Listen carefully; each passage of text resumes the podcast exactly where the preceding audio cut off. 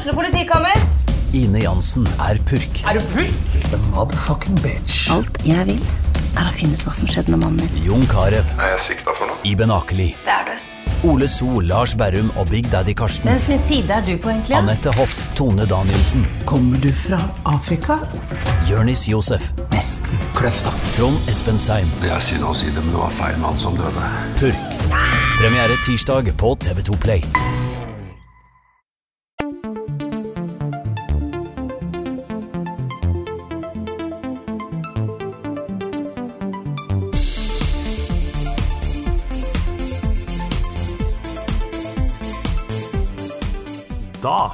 Er det bare å slutte å dvele.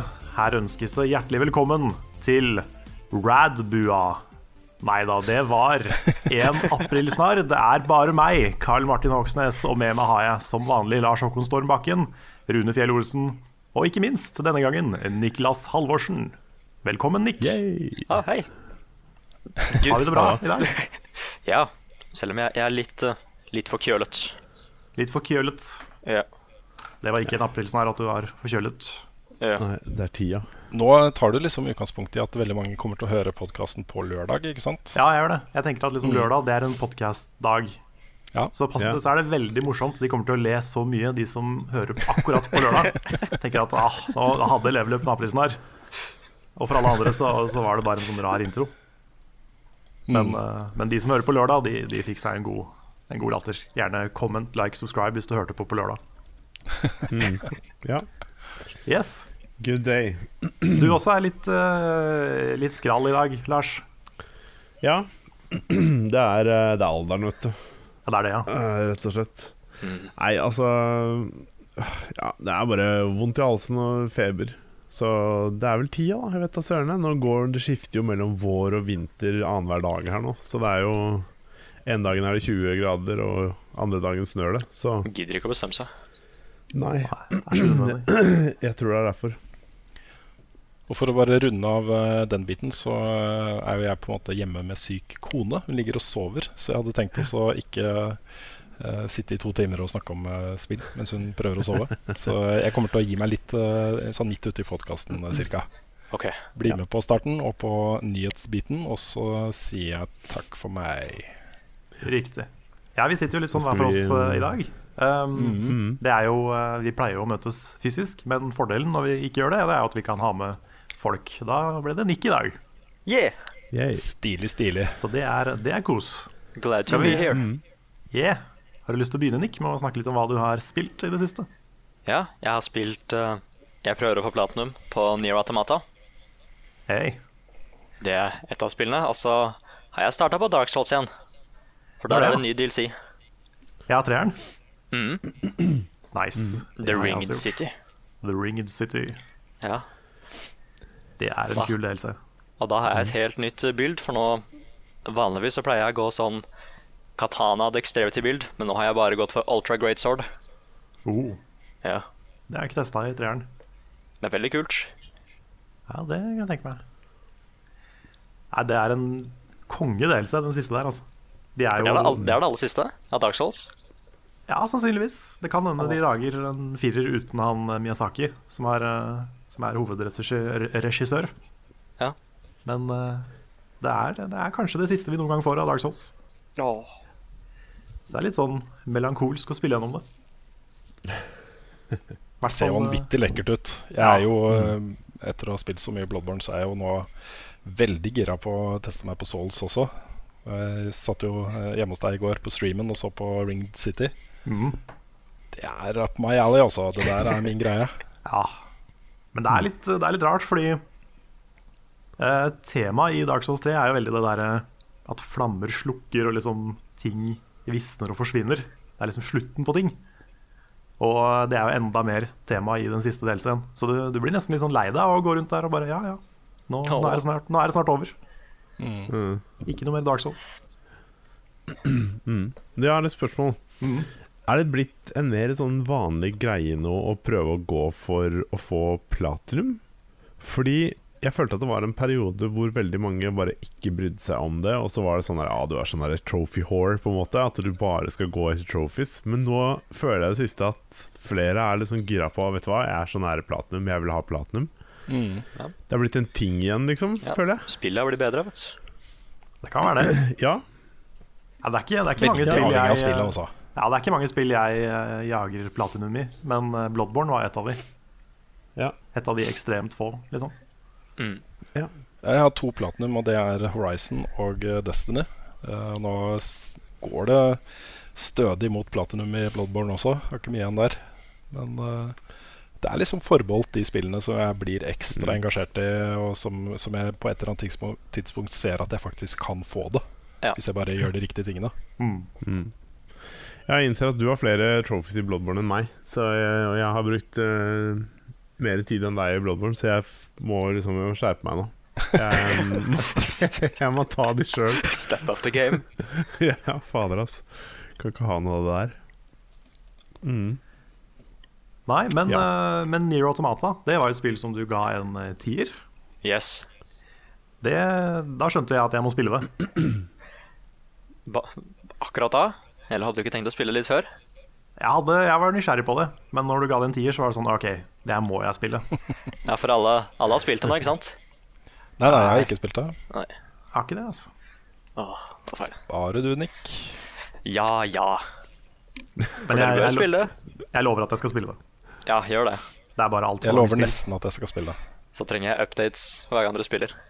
Ok. Yes. Hva, hva dere har sett, hva dere har gjort. Hva sa du der? Hva gjorde du der? ja. Ja, nei, jeg gleder meg. Det er liksom Jeg kan nesten ikke huske sist det kom så mye jeg hadde lyst til å spille samtidig. Mm. Nå, har, eh, nå har jeg begynt på Jeg er midt i Night in the Woods, og jeg driver og anmelder Mass Effect. Ja. Og i tillegg så sitter Horizon og venter på meg, som jeg heller ikke har begynt på. Og så er det Nier Automata, og Persona 5 kommer 4. april, og det er liksom bare Stemmer det. Ja. Det er så Persona mye. 5 har 94 av 100 på Metacritic akkurat nå. ja det hørte det har veldig bra. Ja, det Herregud, altså. Det er, så- det er for mange spill. Jeg har lyst til å gjøre alt. Jeg trenger bare en måned ferie, så jeg bare kan spille. Ja. Det, det sier litt når Ja. man jobber med spill og trenger ferie for å spille. Da er det, da er det mange spill. Men Du kommer vel dit uh, Du får vel en ferie i sommer, så du kan uh, Ja. Ja, det er mulig, det er mulig Horizon må bli et spill jeg sparer til sommeren. Mm. Fordi eh, jeg vet ikke, jeg føler jeg må, jeg føler jeg må gi ti av ti uh, Near Automata. Litt høyere prioritert altså, på, på Yes. det der. Please do. Yes. For det er noe det er spesielt. Det, jeg begynner å skjønne det, altså. Det var sånn gøy òg, fordi jeg visste jo at eh, Jeg visste at spillet skulle være annerledes, for Yoko Taro lager jo veldig rare spill. Men han har aldri naila helt den der gameplay-biten. Så folk har liksom bare Ja, de vet liksom ikke om serien, eller hva han har gjort. Fordi spillene gjør det liksom ikke så veldig bra. Men så kommer Nier Automata, og nå begynner jo alle, eller i hvert fall flere, begynner å liksom se potensialet her, da. Til hver gang Yoko Taro lager nye spill. Jeg liker Ja, for at de han, der eh, fikk jo, han har jo hatt en following hele veien, liksom. Men uh, særlig med Near så, Mm. så fikk han jo en ganske dedikert, men liten kjerne fans, da. Ja, ja. Som nærmest forguda han. Så, så, så det er på en måte helt opplagt at eh, han nå har uh, arrived i mye større grad. Jeg liker at de der uh, japanske mesterdesignerne får litt mer sånn at de, at de får litt cred nå. Mm. Det er kult at de kommer tilbake. Nå mangler det Ja, fordi- bare at uh, Sakaguchi kommer tilbake. Fordi det første Neo gjorde det ikke så bra når det kom til salg, da. Eller ja, Det var ikke dårlige anmeldelser, men det var ikke sånn veldig bra heller. Så jeg lurer liksom på åssen han klarte å overbevise Square Enix om å lage enda et spill. Bare OK, jeg veit det ikke gikk bra, men gi meg litt mer penger nå. Og Platinum Games, så kan vi se om vi får lage noe annet. Mm. Nice. Nei, det, det der er et spill jeg må spille. Mm. Kjenner jeg. ja. Så fort jeg er ferdig med Mass Effect og Night in the Woods, hvis jeg da ikke må sette meg ned med, Mass, med Persona 5 med en gang, så skal jeg begynne på Near. Yeah. Men Persona 5 er jo sikkert et 100 timers prosjekt, det òg, så Ja, det er store spill. ja, det er veldig store spill. Det er vel kanskje nesten de største når det kommer til eh, JRPGs. Mm. Så det blir, eh, det blir et flere ukes prosjekt å lage den anmeldelsen, tenker jeg. Men den skal komme. Ja. Ja, er det er det, Har vi spilt noe mer? Lars, Ja. for eksempel. ja, vil du begynne, Rune? eller Nei, du kan ta det, ta det første. Ok. Um, ja, jeg har jo um, spilt um, uh, Spilt en del på mobilen, jeg, da. Ehm, sammen med at jeg har spilt Dark Souls 3 ehm, i Coop. Ehm, og jeg kan si litt mer om det spillet jeg snakket om forrige gang, som er et spill som heter Card Thief. Det er eh, kanskje det er liksom et av topp fem mobilspill noensinne for meg, i hvert fall. Nå har jeg ikke prøvd alle mobilspillene, men dette her er sånn fantastisk bra. Det er, eh, som jeg sa, så er det Du får ni kort på skjermen. Og så er du en tyv, og så har du noe som heter stealth points. Skal du da snike deg rundt ved å flytte deg over til de andre kortene. Eh, og da er det sånn at eh, du har noen vaktkort, og så har du noen eh, sånne fakkelkort, og så en haug med andre type eh, forskjellige kort. Men poenget er å eh, snike seg rundt uten at disse vaktkortene ser deg. Og for å gjøre det, så må du gå eksempel innom et fakkelkort som gjør at du slukker lyset, som da gjør at ikke de kan se deg. Og på den måten skal du snike deg gjennom en hel kortstokk som er vel på 40 et eller annet kort, tror jeg. Og på veien så skal du få med deg en kiste, og du skal til slutt snike deg ut da, av uh, dette slottet og gjennomføre da heistet. Som gjør at du kan oppgradere og få en del sånne Få en del nye kort som kan hjelpe deg underveis og sånn. Og det er, det er så genialt uh, laget. Det finnes vel også til PC. Det er ehm, så enkelt å spille og Ja. Det, det finnes uendelige muligheter å gjøre det eller løse problemer på, liksom. Og det Jeg, jeg bare digger det. Det er um, Det kommer en level app på det. Det høres er, innmari kult ut eh, også. Spennende. Ja, det er dritfett. Eh, anbefales. Koster 22 kroner eller sånn, tror jeg. Det er latterlig, vet. Så det er jo sinnssykt billig for spill som er dritbra, liksom. um, det er mulig jeg tar feil på prisen her, jeg, har ikke, jeg husker ikke hva jeg har betalt for det. Men eh, det er i hvert fall ikke mange kronene, da. Så um, ja. Og så var det, var det en ting til jeg hadde spilt som jeg tenkte på? Var det ikke? Jo, selvfølgelig. Det her er mobil um, uh, I Lost Normal Phone, som jeg hadde på eh, Level Up forrige gang. Ja, stemmer. Det har Du jeg hørt en del altså om. en Ja, det var utrolig bra. Du finner en telefon, og så først Med en gang du åpner den, så er det sånn her Å, fire beskjeder fra pappa. Så skjønner du veldig fort når du leser i meldingene at ehm, At det er sånn derre Ja, hvor har du, hvor har du dratt? Uh, mamma er bekymra, hun vil at vi skal ringe politiet og sånn. ikke sant? Så du skjønner at det, Og de meldingene kom for sånn Ja. Siste meldinga kom vel ett minutt før du tok opp telefonen, tror jeg. Så um, det å begynne å nøste opp i hva som har skjedd her, og hva, hva dette handler om, er uh, utrolig kult. Og det å måten å gjøre det på ved å la deg grave ned i en annen persons private ting, da. Det er en veldig kul måte å gjøre det på, og det, og det utfordrer veldig mye sånne moralske ting, føler jeg. Ja, For det, det å sitte og snike og, og finne passord til liksom kontoer og sånne ting som denne personen har, det er veldig um, ja, det er jo litt sånn stalker-elementer i det. At det, Ja. det er liksom det du gjør, er ikke helt greit. Nei, det, det er ikke det. Men uh, samtidig så fortelles det en historie som, er, uh, som viser seg å være veldig viktig, uh, og som jeg tror mange Om ikke mange nødvendigvis forstår den, så kan de forstå elementer av den. Um, jeg skal ikke si noe om hva det handler om, hvis noen har lyst til å prøve det. Men det, det er også et knallbra spill. Hmm.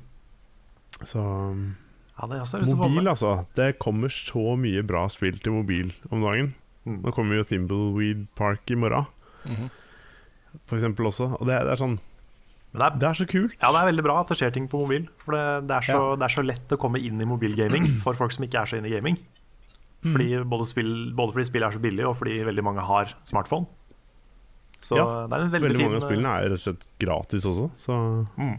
Det er, veldig Og så er det veldig sånn bra der- at vi har uh, Lars som guider oss i den jungelen av dritt. Det er også veldig bra. Ja, Appmaster. ja, jeg gjør så godt jeg kan. Jeg føler det er litt sånn vanskelig å um, omfavne alle spillene, men jeg prøver å trekke ut i hvert fall de jeg syns er gode, da. Mm. Så Ja, nei, men mobil er en veldig fin sånn gateway uh, inn i spill for mange, mm. tror jeg. I hvert fall eh, hvis de finner det som er bra, og ikke bare ender opp med Candy Crush og den slags. Ja, så greia er at den, den treffer jo veldig mange flere enn de som har PS4 og PC og sånn. Fordi det er jo En mobil plattform har omtrent alle. Mm. Uh, ikke sant? I hvert fall en veldig stor andel. Så ja. Potensialet der er jo stort. Det er det. Mm. Ja, Rune, har du noe mer du vil eh, prate om? Eh, Jeg spiller jo forferdelig mye Bloodborne om dagen. Jeg skal ikke snakke så mye om det her og nå. Men Nei. jeg har bare lyst til å nevne at eh, eh, den følelsen av å bli god i Bloodborne er nesten ubeskrivelig. Og så, uh, nå gjør jeg sånne ting i dette spillet her som Jeg blir liksom sjokkert da, over hvor, eh, hvor greit det går. Eh, jeg fullførte en Eileen eh, The Crow eh, The Crow-questen eh, i går. Eh, og da møter du en sånn hunter helt på slutten som jeg vet du, Lars, har beskrevet som et mareritt. Fy fader, det er det verste jeg har vært med på. Jeg brukte flere timer på å ta han. Jeg tok han på tredje forsøk.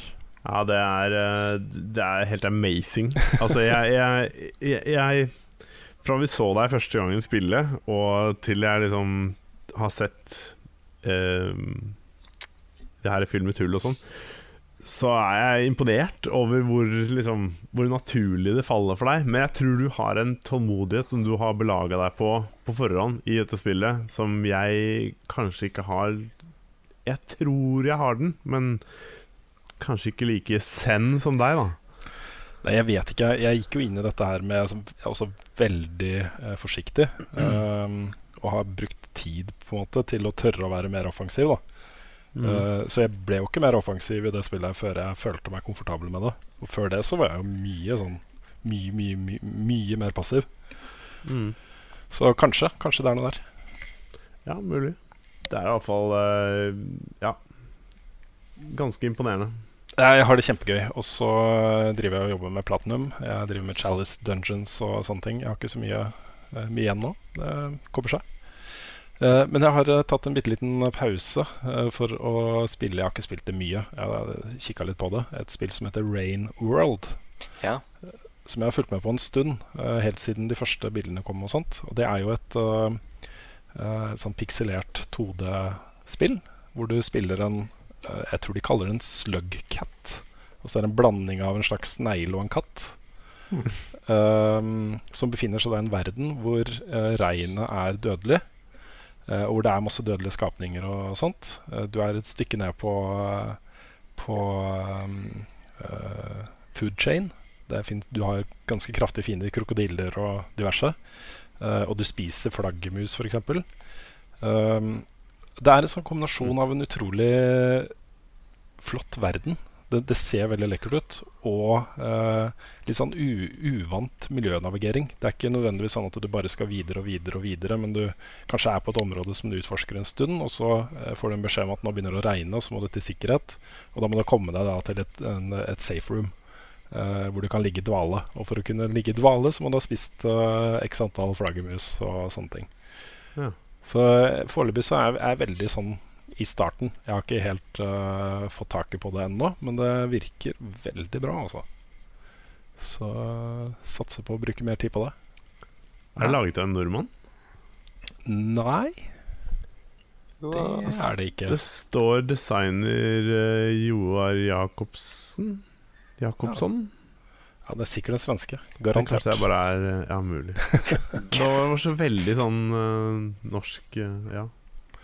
ja Jeg ja, tror jeg kanskje ville det hvis det var en nordmann, men jeg, Ja. jeg må ta forbehold. Det er ikke helt sikkert jeg har rett. Ja. Men sånn som f.eks. et av de beste spillene som kom ut i fjor, da, eh, nordiske spillet, eh, Gunner, som jo er litt i samme gate som Rain World eh, visuelt. Der er det jo Martin Kvale som har lagd hele lydbildet. Så, så det er også en sånn Folk er ikke klar over at det er en nordmann som står bak lydbildet i det spillet, f.eks. Så Nei. hvem vet? Nei, ja, men det sa Jacobsson, så det Det var, var med K, så jeg reagerte ikke med en gang. Tenkte at det var norsk, men det er sikkert svensk. Jeg tror det. Ja, ja. Det er vel basically meg. Men nå har jeg jo begynt å spille litt Destiny igjen. I og med at det har kommet den Age of Triumph.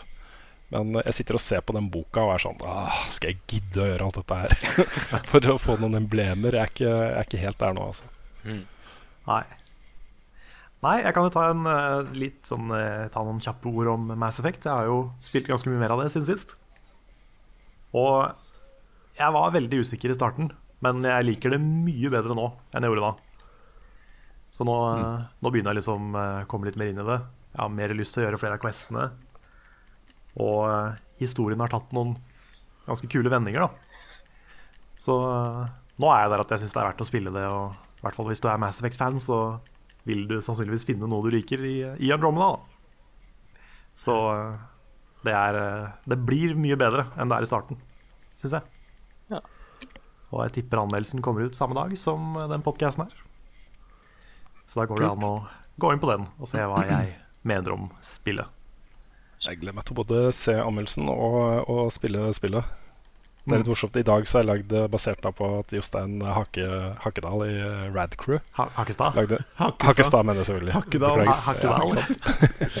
Han lagde en sånn der, eh, beste film for hvert år uh, siden jeg ble født-liste. Uh, og det, jeg klarer ikke å se på sånne lister uten å lage min egen, så jeg har gjort det. da Eh, og det var litt morsomt de siste årene. Så har vi liksom 2013 Gravity, 2014 Interstellar, 2015 The Martian, 2016 Arrival. så jeg er litt sånn i sci-fi-modus om dagen. Ja. Ja. Du er, du er litt på sci-fi, føler jeg. Ja da, jeg er veldig glad i sci-fi. Mm. Det er liksom sci-fi-spill og sånn også som treffer deg veldig. Mm. Men det er gjerne Jeg er veldig glad i sci-fi som har en rot i virkeligheten. Jeg er kanskje mest glad i det, hvor eh, det tar utgangspunkt i noe som faktisk kunne ha skjedd, da, gitt, eh, gitt at eh, man klarte å få på plass teoretisk teknologi og fysikk og, Mm. og sånne ting. Jeg tror Mass Effect er noe for deg. altså Ja, jeg tror også det. Kanskje, Så, kanskje nesten skal spesielt de første tre spillene. Mm. I hvert fall de to, altså toeren og treeren er veldig, veldig verdt å spille. Ja da, jeg begynte på toeren og likte det veldig godt. Men måtte bare legge det fra av andre grunner, og så ble det aldri til at jeg plukka det opp igjen. Sånn er det med når man skal anmelde spill. Så kommer det nye ting, og så må man legge fra seg det man holdt på med. Jepp. Dessverre. Da er det nyheter, og Rune får ordet. Ja da, vi kan jo begynne med noe som vi eh, snakket kjapt om i forrige podkast. Eh, det er jo at Bungie har offisielt bekrefta eh, Destiny 2 for første gang. Eh, I forrige uke så dukka det opp en sånn poster fra et, eh, tatt, et bilde tatt fra en eller annen italiensk spillbutikk eller noe sånt. um, eh, uh, bekrefta det ikke, men de avkrefta det heller ikke. Hinta vel mer om at ja, ja, det var synd at dette ble kjent på denne måten. type kommentar da um, Nå har de sluppet den første teaseren, og innen den podkasten er ute, så er den første traileren for Destiny 2 ute. Uh, den sli slippes da torsdag kveld. Uh, men de har sluppet en teaser hvor uh, Cade Six, uh, voisa av Nathan Fillion, sitter uh, i en uh, bar og drikker. Som er litt rart. Han er jo en robot. Eller en exo... Ja, åssen funker det? Ja. Ser ut som han drikker olje eller noe sånt. Eller sånn, Ja, det er et eller annet sånt. Uh, litt sånn fanservice. Du har Sweeperbot i bakgrunnen som står der og feier gulvet. Uh, og det er da Tower, også den første og største sosiale huben i spillet, som uh, er bomba i ruiner. Uh, det er liksom krig og eksplosjoner og skyting og ting og tang som skjer i bakgrunnen, mens han holder en, en ganske lang og morsom sånn monolog. da um, Og that's it. Men da er det jo bekrefta at ting skal ødelegges, i hvert fall. Um, i, I dag har det også blitt lekka en del informasjon uh, om det som blir Collectors Edition av spillet. Uh, hvor det også står litt om synopsis. Og det er jo da noen som har angrepet jorden og ødelagt Tower og sånt. Guardians blir spredt ut i, i galaksen på ukjente planeter og må da finne uh, mystiske, uh, kjempekraftige våpen for å da til slutt kunne kjempe tilbake mot uh, invaderende styrken. Så er det også bekrefta, ifølge da de, den lekkasjen, at det kommer til PC. Så da kan folk krysse av for kalenderen der også. Ja. Så, men nei, dette gleder jeg meg til også. Dette, dette blir uh, the shit. Blir det PC for deg, eller? Nei, Det spørs litt hva resten gjør. Det er viktigere Ja. for meg å spille med folk jeg har lyst til å spille med, enn å på død og liv være på PC. Ja. Jeg er litt usikker. Jeg har lyst Jeg har lyst til å spille det på PC. Så kanskje to kontor. Jeg vet ikke. Ja. Jeg lener meg, lener meg litt mot PC sjøl, men det er samtidig litt sånn deilig å sitte i sofaen og spille Destiny. Mm. Så jeg er ikke 100 sikker. Ja, jeg kommer ikke til å ha det på PC, i hvert fall. Det er jeg 99,9 sikker på. Det er mulig jeg ender opp med å få det dit, men det er ikke der jeg kommer til å spille mest. Mm. De folka jeg er vant til å spille med, spiller på PS4 for det meste. Så Ja, det er litt sånn her også. Men jeg, jeg får Ja. se. Det er uh, veldig fristende å kunne spille det med mus og tastatur på Mm. PC. Så Mm. vi får se. Ja. Uh, lanseringsdata der er fortsatt da 8.9. Uh, Mm. Det er det også snakk om en beta, som de som pre-orderer spillet, får tilgang til først. Så du har tilgang? Uh, ja, eh, jeg, dette kommer jeg til å pre-ordre. Det Så greit er det. Yes. Do as we say, not as we do. mm. Ja. Jeg må si Eh, en ting, da. At det er veldig kult um, hvordan de um, eh, laget denne traileren her. Eller hvordan de fikk den til å fremstå. Fordi gamle Destiny var litt mer sånn seriøst og tok seg selv veldig høytidelig og litt sånne ting. Nå føler jeg de på en måte har snudd helt om og gjør det stikk motsatte. Mm. Mm. Og det er veldig kult at uh, Cade Six har en uh, Men det var noen tilsynelatende en viktig rolle. Ja, men det var noen sånne litt sånn attitude-trailere for det første Destiny i starten. Ja, det var det. Men ikke på høyde med dette her, syns jeg. Nei, kanskje ikke helt. uh, Men uh, That wizard og- came from the moon. ja. Og selv om de liksom Og selv om de hadde sånne attitude-trailere, så klarte de ikke å um, Eller så var liksom ikke resten av contentet der, da. Nei, det er sant. Så jeg håper at de, så- håper at de har liksom putta det inn i spillet nå. Mm. Og også putta storyen inn i spillet.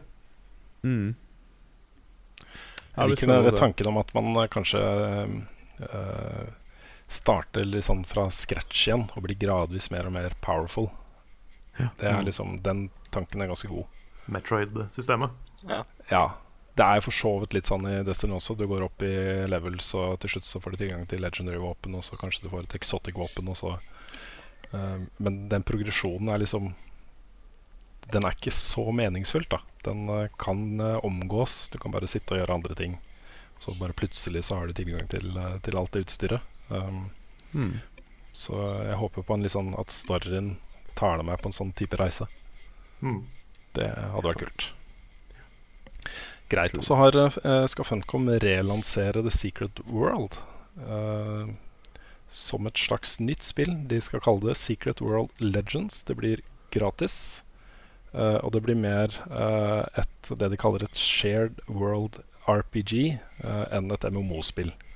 Så det blir ikke så mye fokus på PVP og sånne ting, men det blir mer det å bare følge alt det contentene som har kommet i spillet, som en, en egen story. da. Uh, de har fiksa litt på combat-system og kontrollsystem og sånne ting. Uh, egentlig så er jeg ganske spent på hvordan det blir. altså. Ja, Mm. kult.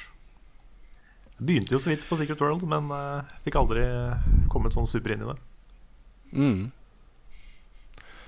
Ja. Og apropos eh, relanseringer, så eh, skal Blizzard eh, gi ut Starcraft og Brood War, altså det originale Starcraft med eh, expansion packen Brood War, i remastered versjon til sommeren. Yes. Yes. Det er kult. Det er veldig kult. Ja, det er kult. Det Ja, det- spilte jeg for mange år siden. Mm. Mm. De har jo tatt litt Owlboy-veien med det. Det er jo på en måte de samme, samme grafikktingene men de har Eller de samme enhetene, liksom.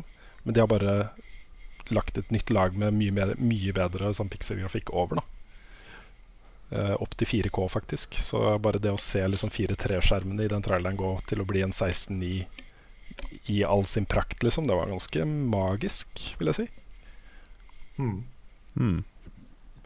Og så har det jo vært et problem, eller hva man skal kalle det, i strategisjangeren at Starcraft var så perfekt. Det, er liksom, eh, vært, veldig vanskelig å leve opp til eller overgå det spillet i tida etterpå. Da. Så den har jo Mm. på en måte litt ødelagt RTS-sjangeren også, i hvert fall. Ja, det, det kan du kanskje mange. si. Fordi det har jeg tenkt på flere ganger at uh, nå har jeg ikke Nå har jeg riktignok ikke vært spesielt flink på å oppsøke nye RTS-spill de siste åra, men uh, det føles som den sjangeren har blitt litt borte. Mm. Og jeg savner den litt. Det, det er sikkert mer jeg kan gjøre for å finne de bra spillene som ligger litt, eh, litt dypere. Men eh, jeg savner de der svære Command and Conquer, Red Alert, Dune-utgivelsene. Mm. Som bare Som jeg brukte utrolig mye tid på da jeg var litt yngre. Ja da, også Starcraft 2 er jo et bra spill, det også. Ja, ja, Eh, selvfølgelig. Men uh, uh, Blizzard har jo også selv sagt det, at de har hatt problemer med å lage oppfølgere i Starcraft-serien. Fordi Starcraft 1 var så bra. Mm. Ja, men jeg, jeg, jeg, Jeg har liksom lyst til å se et, jeg vil se et comeback da for Command and Conquer og alle de der. Mm. De prøvde seg jo Mm. på det, men så ble det vel kansellert, gjorde det ikke det? Ja, det ble det. komme. Det var det som skulle være gratis, var det ikke? Jo, det er mulig. Det er mulig. Mm. Det er synd. Ja. Jeg husker diskusjonene rundt uh, når Starcraft 2 ble annonsert, og så var det folk bare Ja, men hvorfor det? Altså, hvordan skal de gjøre dette bedre? Hvordan, hvorfor skal det bli noe nytt spill, liksom? Det var ingen som forsto hvordan de skulle klare å gjøre eller overgå det.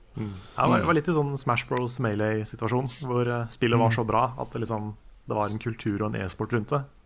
Hva gjør du da for å følge opp det, liksom? Mm. Eh, Det er en annen ting da, som har Ja. kommet ut nå i eh, denne uka her. Og det er jo hvert eneste Kingdom Hearts-spill som er verdt å spille på PS4.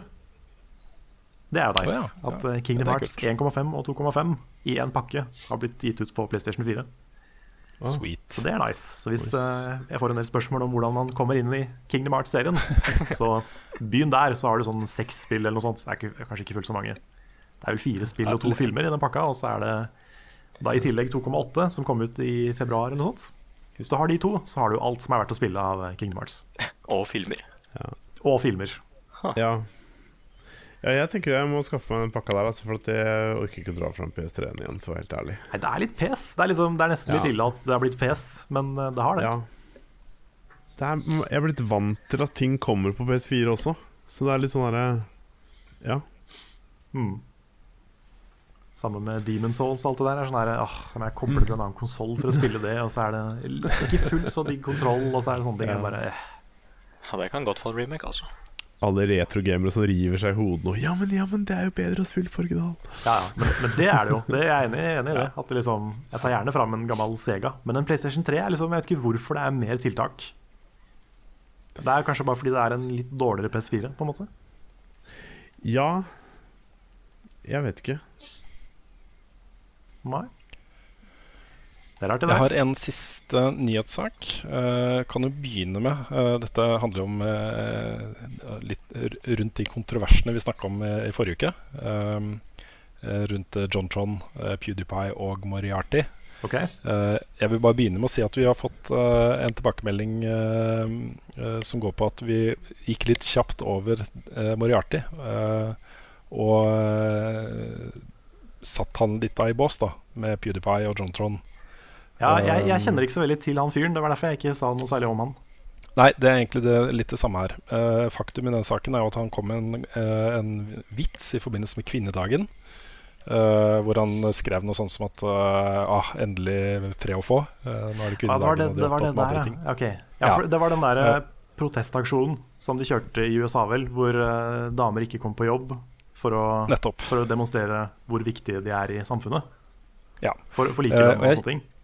Ja, ikke sant. Jeg kjenner ikke fyren, og jeg vet ikke noe om hvordan han er ellers. Men akkurat når det gjelder sånn helt isolert sett, akkurat den vitsen der, som han da visstnok uh, skrev på Twitter i senga eh, ved siden av kjæresten sin, som lo av, lo av den, syntes den var morsom. Uh, og ganske åpenbart ment som en spøk. Og så kan jo folk velge om det var en morsom spøk eller ikke. Uh, det er ikke like ille som å betale eller like kontroversielt da, som å betale noen på den andre siden av verden 10 dollar for å uh, holde opp en plakat hvor det står ting og tang. Mm. Uh, eller å, eller å eh, lire av seg masse nazi- og uh, white supremacy-slogans, liksom. Nei, Det er ikke like ille. Det er litt forskjell på det. Jeg synes akkurat, Ja. Men jeg skjønner ikke helt Eller jeg har ikke fått med meg helt den kontroversen rundt han. Fordi det eneste jeg har hørt om det, er at han eh, dro den vitsen, fikk litt reaksjoner. På at han liksom tweeta noe sånt på kvinnedagen osv. Og, så og så gikk han veldig hardt tilbake igjen og sa bare eh, humorless sacks of shit og diverse til folk da, som ikke likte vitsen. Uh, Ja. Og så slutta han i Kind of Funny. Og Jeg har, eh, ikke sant? Jeg har, jeg har jo inntrykk av at han, eh, han eh, kanskje ikke er verdens koseligste person sånn i utgangspunktet. Eh, men eh, men eh, eh, det er litt ufortjent, da. Ja, jeg vet, jeg, jeg, bare... vet ikke. Jeg kjenner ikke til fyren. Um, men jeg, jeg, ser liksom ikke helt saken nødvendigvis i det. Fordi han, eh, han fikk jo ikke sparken i Kind of Funny, han valgte jo å slutte sjøl. Mm. Så jeg vet ikke, jeg føler folk lager en sånn derre Å nei, han har blitt utestengt pga. en vits. Det er liksom, det er ikke det som har skjedd. Nei. Ja, så jeg vet ikke helt på en måte hva, hvor problemet er. Han slutta i Kind of Fun. er ikke det, er ikke det greit? Jo da. Eh, jeg ville bare nevne det fordi eh, eh, han som sendte den tilbakemeldingen, har et poeng. Eh, det er ikke eh, Det blir liksom å sammenligne epler og bananer, på en måte. Mm. Å sette alle de i samme bås. Ja, det er også Eh, veldig forskjell på PewDiePie og JonTron på det der. Ja, ikke sant. Det, det snakka vi jo mye om forrige uke. Mm. Men grunnen til at jeg nevner det, er fordi um, uh, uh, disse kontroversene har jo konsekvenser for disse folkene. Uh, og det som har skjedd nå med Jontron, er at Playtonic har uh, uteslatt han fra uh, ukulele. Han hadde jo en stemme til en figur i det spillet. Det har han ikke nå lenger. Riktig. Ah. Så, så det er jo en konkret ting som har skjedd etter, uh, etter uh, de siste ukenes begivenheter. Mm. Det, det er sant. Ja, Han svarte visst noe sånn som at uh, han hadde full forståelse for at de tok det valget, og bla, bla, bla. Et eller annet. Ikke noe Mm. Ja, det, er jo, noe det er jo sånn generelt sett så er det jo ikke mange, uh, mange jobber der det ikke er konsekvenser for at du sitter i to timer og kommer med den type holdninger. Så det er jo Ikke det er ikke en vanskelig ting å forstå. Men uh, nå skal jeg overlate roret til, uh, til dere. Nå skal jeg forlate dere. Ja. Så skal dere få lov til å kose dere med det. Jeg ser det har kommet massevis av bra spørsmål. Det Så uh, håper jeg at dere klarer å svare på de uten, uten meg. Det skal vi prøve på. Men det har i hvert fall vært uh, hyggelig som vanlig. Så Mm. Yes. Da får snakkes vi snart igjen, alle sammen. Yes, da får dere se mer av Rune i neste video slash podcast slash stream slash hva enn dere velger å sette på. Da starter vi spørsmål- og svarspalten uten Rune. Eh, fra Vermund Holvik Hansen på Patreon. Han sier Hei, folkens. Syns Fyll mitt hull-spalten er noe av det bedre dere har gjort i det siste. Den har den laidbacke stilen fra podkastene, samtidig som man får gode tips til spill. Kommer dere til å lage flere nye spalter fremover? Tenker da på topplister, lister over easter egg i spill, etc., etc. Vi, eh, jeg kan jo si så mye som at vi har en lang liste over ting vi har lyst til å lage. Eh, og av og til så ser vi jo på den lista og finner ut hva vi skal fokusere på framover. Og eh, ja, det er, en, det er en lang liste med mange ting. Det er bl.a. topplister, og det er alt fra holdt på å si, eh, sånne meningstype spalter til uh, mer sitcom-lignende ting og reality-show og alt mulig greier, liksom. Så det er, vi har mange ideer. Det er ikke det det står på. Det er bare det å velge ut hva vi skal fokusere på, egentlig. Men uh, Hadde vi hatt masse tid og penger, kunne vi gjort alt. vi gjort alt sammen. Oh. Det, si, det tror jeg ikke vi kunne, for det er såpass mye at da, da hadde vi dødd. Men uh, Nei da. hvis, hvis vi hadde hatt all, all tid i verden, alle penger i verden og 100 mennesker, Mm. da kunne vi gjort alt. Men uh, Ja. vi håper at vi vi hatt folk får til å eh, gjøre bakom ting, liksom. Mm. Som hadde spart oss. Da kunne vi bare sitte på det kreative hele tiden. Sant. Men eh, nei, vi, får, vi håper at vi får introdusert litt mer nye ting framover. Yes. Ja. Nei, men øhm, Vi har jo fått en del spørsmål på Facebook også, som øh, vanlig. Og det var et litt, øh, litt lengre øh, ja, spørsmål og en kommentar. Det er fra Jørgen, Jørgen faktisk, unnskyld. Uh, Jørgen Johnsen Nyplass. Beklager at jeg bare liksom brainfarta litt der. Um, Først må jeg si at jeg virkelig setter pris på at dere klarer å opptre så profesjonelt som dere gjør. I disse dager er det ikke en selvfølge at journalister klarer å være så ekte og sanne som dere er. Det står mye respekt av å ha lyst til å lage gratis innhold til folket og gi oss valget til å betale for det. Og ikke gjemme det bak 45 sekunder med reklame og en mystisk liten tittel, thumbnail, les clickbait. Ta og skryt litt av dere selv. Vi synes dere gjør en herlig jobb. Og så kommer spørsmålet. I mange spill eh, spiller man som forskjellige yrker eller karakterer som har forskjellige yrker. Hvilke yrker fra virkeligheten kan ta med seg mest erfaring fra jobben inn i et spill? Er det bønder som spiller Ja, det var morsomt, for det sto bønder og ikke bønder. Men er det bønder som spiller Farming Simulator? Arkitekter som spiller Siv? Hva med rørleggere som spiller Super Mario? Kirurger som spiller Surgeon Simulator? Diskuter. Ja. Det var en, aller, Det var aller først en veldig eh. veldig koselig kommentar. da Det var, Ja. eh, det var en veldig hyggelig, hyggelig ting å skrive til oss, så tusen takk for det. Ja, vi gjør det så godt vi kan på å være, liksom, på å være oss selv og beholde integritet og være ekte. Det er vel kanskje noe av det som er viktigst. Så hvis man, eh, Det har vi jo snakka mye om det i forhold til reklame og hva man skal Mm. forholde seg til og sånne ting. Det er jo viktig å beholde egne stemmer og sånne ting oppi det hele, da. Mm. Ja, det er, eh, jeg merker at hvis jeg liksom ikke hadde kunnet vært meg sjøl og dekka spill på den liksom personlige måten som vi gjør, da, så hadde det ikke vært i Mm. nærheten av like gøy å jobbe med det. Nei. Så det handler litt om det. Ja. Er Akkurat, akkurat det der med clickbait har jeg tenkt litt på. Fordi uh, det kan hende sånn jeg for min del da, er så anti-clickbait at jeg nesten gjør uh, thumbnails og titler kjedeligere enn de fortjener å være. Det har jeg lurt litt på noen ganger. At det, sånn, Jeg er litt motsatt her, faktisk. Ja, jeg, jeg, Ja, men det liksom- spørs litt, spørs litt hva man eh, gjør. Jeg tenker mest på clickbait som på en måte sier at man skal gjøre noe helt annet. Uh, eller Ja. at det kommer noe helt annet enn det som Det er det verste. Sånn der, I just died today, og så er det en video om en hund. Ja. Men eh, Nei, jeg vet ikke. Jeg, Jeg en jeg vet ikke om liksom ja. Rune anmelder Inside eller Carl anmelder Mass Effect. Det er liksom den mest catchy tittelen på en video, da. Men det er i hvert fall Nei, rett på sak. Det er veldig, veldig rett på sak. Um, Og det er ekte. Og Der ekte. liker det jeg faktisk titlene til, uh, til Er det Total Biscuit? Hvor han sier liksom bare Ja, now I'm gonna talk about dette i så så lenge. Mm. Det, det syns jeg er veldig sånn Det sier akkurat hva filmen handler om, hvor lenge han snakker. Det er sånn ja. Ja, det er Jeg veldig liker- sånn stilreint jeg og liker sånn. Det er det. ja, jeg syns det. Så Så ja. Ja. Nei, jeg, vet ikke. Jeg, jeg driver og har tenkt en del på den balansen mellom eh, det å være veldig ærlig med titler og det å være litt for kjedelig, da. Mm. Så det kan hende det fins en litt mer fancy og speisa opp måte å presentere ting på. Men jeg vet ikke. Nei, i hvert fall når det jeg la kommer jo til ut en okay. Ja, bare snakk, du. Ja, fordi når det kommer til thumbnail, jeg bruker altfor lang tid til å lage thumbnails. For, for jeg tenker det at det, det, dette må jo se interessant ut. Folk må jo se det, ikke sant? Ja. Ja. Det, det Ja, Det er sånn det er jo, det er jo viktig som en sånn eh, blikkfang-ting. mm. Ja, altså, folk har jo ikke tendens til å lese veldig mye. Ting som kommer rett opp i trynet på deg, blir jo ikke lest. Så jeg, jeg merker det selv også, at jeg er litt sånn sløv på det innimellom. Mm. Så ja. Jeg lagde jo en clickbait-tweet her forrige dagen Gjorde du det? eh, til den der level-appen. jeg fant en telefon, og du vil ikke tro hva jeg oppdaget.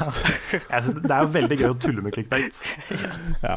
Sånn uh, Du vil ikke tro hva som skjer. Punkt nummer fem vil sjokkere deg. Og så er det sånn ring rundt noe som bare ikke er relevant i det hele tatt, på bildet. ja. Og så er alt i capslock. Ja, og det er mange av de, ass. Det er sånn eh, how to YouTube. mm. Eh, men, men spørsmålet han stilte, om yrker og Ja. spill, Mm. Mm. har vi noe Hva tror vi om det? Altså, da er det snakk om uh, Ja, for det var snakk om at uh, det yrket du har, om, det, om du kan overføre det til spill Jeg tror ikke rørleggere har spesiell fordel for, når de spiller Super Mario, for eksempel. Um, Helt sånn det Nei, funker. jeg, vet ikke, jeg vet ikke om liksom rørleggere føler seg liksom trukket til Mario som, en, eh, som et ikon. Men, eh, nei, jeg tror ikke det, ass. men det med truck simulator og sånn, da, der er det kanskje noe. Ja. Tror jeg. Sånn som ja, eh, kanskje. Jeg, jeg, jeg vet ikke. Jeg har, en, jeg har et familiemedlem som er veldig interessert i trucks. Altså Han kjører mye truck i jobben og sånn. Og han viste litt interesse for Eurotruck Simulator. Fordi jeg, jeg prøvde å ha en samtale Vi har jo veldig lite til felles. eh, Så jeg prøvde å ha en samtale med han om liksom Han prata om lastebil, jeg kan ikke så mye om det. Og så sa jeg ja, det fins jo noe som heter Eurotruck Simulator. Og han bare å ja. Og så fortsatte han å snakke Ja. om trucks, da, så da datt jeg litt av igjen. Ja. Men eh, Men jeg kan jo ja. se at det kan ha fordeler i sånne simulatorer.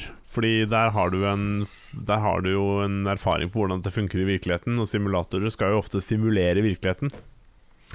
Altså Farming Simulator, det jeg vil jo tro at en bonde ville hatt litt mer peiling på ting. Sånn som jeg liksom kommer og bare Hvorfor blir det ikke bra avling av dette her? Altså, å ja, du har glemt å både eh, gjødsle og eh, harve, eller hva alle disse tingene man skal gjøre med jorda før du sår, da.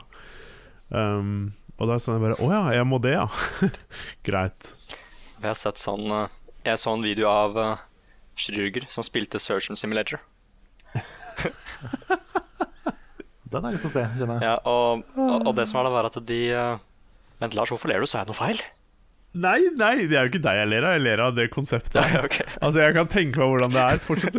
Ja, fordi det som er da, er at de uh, Mesteparten av dem var jo ikke flinke å spille, men de var jo smarte. Ja. Så de visste liksom De var veldig flinke til å bare sånn OK, jeg vet nøyaktig hva jeg skal gjøre, men det å faktisk få det til er en helt annen greie, da.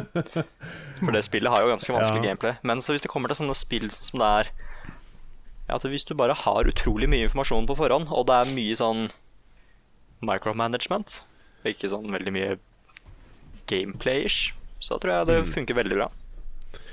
Det jeg vil tippe, da, er at uh, mennesker med veldig høy uh, logisk uh, Eller veldig høy IQ, f.eks., vil nok ha mer være mer tilbøyelig for å være flinke i uh, f.eks. Starcraft.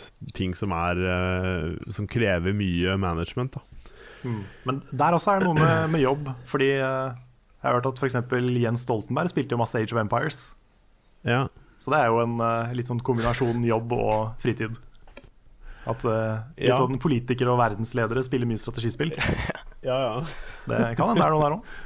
ja Kanskje sitter og spiller 7-6 Ja, ja det, det har jeg tenkt på. At liksom, verdensledere burde jo spille 7-6 med hverandre. Tenk så mye Ja, av det. jeg, eh, jeg, Tenk så mye han har vet, av det Det var det. Fantastisk. Du ser de på bakrommet liksom bare Ja, nå er du nærme meg igjen, altså. Mm. Så utrolig urettferdig at Polen alltid skal få lov å være Polen. Ja, ikke sant? For de er jo best. Ja, det er. OP. Mm. Eh, vi har et spørsmål fra René Olsen. Når skal dere ordne ny merch? Eh, når, når dere skal ordne ny merch, hadde det vært aktuelt med en vanlig bøyd Brem-caps? Det hadde det. Jeg vet at i hvert fall Rune er eh, forkjemper for å ha en bøyd bremcaps. Oh, Jeg er helt det- enig, ass. Ja, det er jeg ganske sikker på at kommer, så fort vi får mm. det nye logodesignet på plass. Da kommer det mer greier i webshopen. Det skal vi sikkert kunngjøre med noen reklamefilm og litt sånne ting når det er tid for det. Ja, og det er gøy. Det er gøy å lage. Sånne reklamefilmer er morsomme å lage. Mm. Det er jo parodi på På- Særlig de derre um, Hva heter det? Ja, TV-shop-tingene. PR-bransjen generelt, tenker jeg egentlig. Det er, sånn, Ja. det er så, mye, så mye teite reklamer. Det er lett å, lett å sule med. Ja. ja, true. Um, jeg har et spørsmål fra Isak Ailo Gaup, eh, som lurer på om eh, grafikken i eh, Mass Effect Andromeda ødelegger for gameplayet. Og hva skuffet dere mest, og hva ble dere positivt overrasket over? Nå er det vel kanskje litt eh, risky å My face is tired. My face is tired. Det er jo egentlig et veldig godt spørsmål, for uh, jeg må innrømme at for meg, da, så blir jeg satt ut og distrahert av de ansiktene noen ganger. Det, er ikke, det, er ikke, det er ikke nødvendigvis grafikken, men det er måten de er animert på. Ja. Og de uh, Det er vanskelig å si hvor mye de ødelegger. Ja. Men uh, det er en del cutscenes for jeg bare ah, Det her ser veldig rart ut. Jeg klarer ikke å fokusere på hva de sier. Så det, der ødelegger det litt. Men selve gameplay-delen, å liksom utforske planeter og gjøre missions og sånne ting, det, det har ikke noe å si. Der ser det kjempebra ut, og alt funker som det skal. Mer eller mindre. Ja. Men tar det deg veldig ut av hva som faktisk skjer? Blir du liksom sittende og se på det fremfor å klare å følge med hva som blir snakket om? Eller, eller klarer du å liksom få med deg Du blir litt mer vant til det etter hvert. Ja. Men du slutter aldri, eller jeg slutter aldri helt å se på de der rare leppene som bare my, my, my, my, my, og liksom det, Det ser Ja. veldig rart ut, da. Og du, du blir liksom hele tida distrahert, så du prøver å ikke fokusere på det, og heller bare prøve å få med deg det de sier. Mm. Så, ja. så fort du klarer å liksom legge fra deg det, så er det lettere å følge med. Ja. Men eh, Riktig. Det jeg, det jeg ble mest positivt overraska over, var egentlig hvor mye spillet tok seg opp etter hvert. Og hvor variert uh, level-designet var og sånn. Det syns jeg var kult.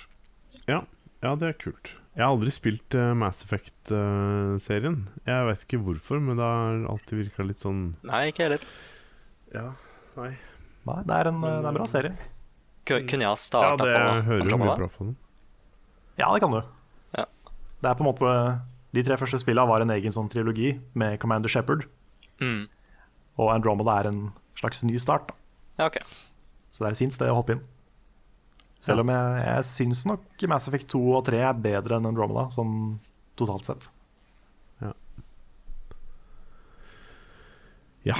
Yes. Nei, men da Har du noen flere spørsmål? Uh, skal vi se Ja, Eivind Gjertsen har et spørsmål. Uh, prøver igjen, men godt oppsummert. Xbox One-menyen er dritt. Bring the hate. Grim Fandango inventory-meny var gøy. Husker dere noen menyer som har utmerka seg? Altså spillmenyer som har liksom Som dere husker på? Ja. Ja uh, Neo Automata. Det er Ja. Altså, spillmenyer Jeg vet ikke helt om eh, det går Altså eh, Jeg Sånn som eh, Dark Souls og Bloodborne og sånne ting har veldig bra sånn HUD og de menyene når du skal bytte våpen, og sånn, syns jeg er veldig enkelt å forholde seg til. Og det er veldig intuitivt, og du slipper å gjøre sånne rare knappkombinasjoner og sånn. Um, og det samme er det um, i eh, spesielt The Last of Us. Så er det ganske kult hvordan du kan bytte våpen og sånne ting uten å måtte gå i rare menyer. Mm. Du, og du kan gjøre det ved å holde Eller måten du bytter, eh, bytter det på, er få knappekombinasjoner, da. Som gjør det veldig enkelt.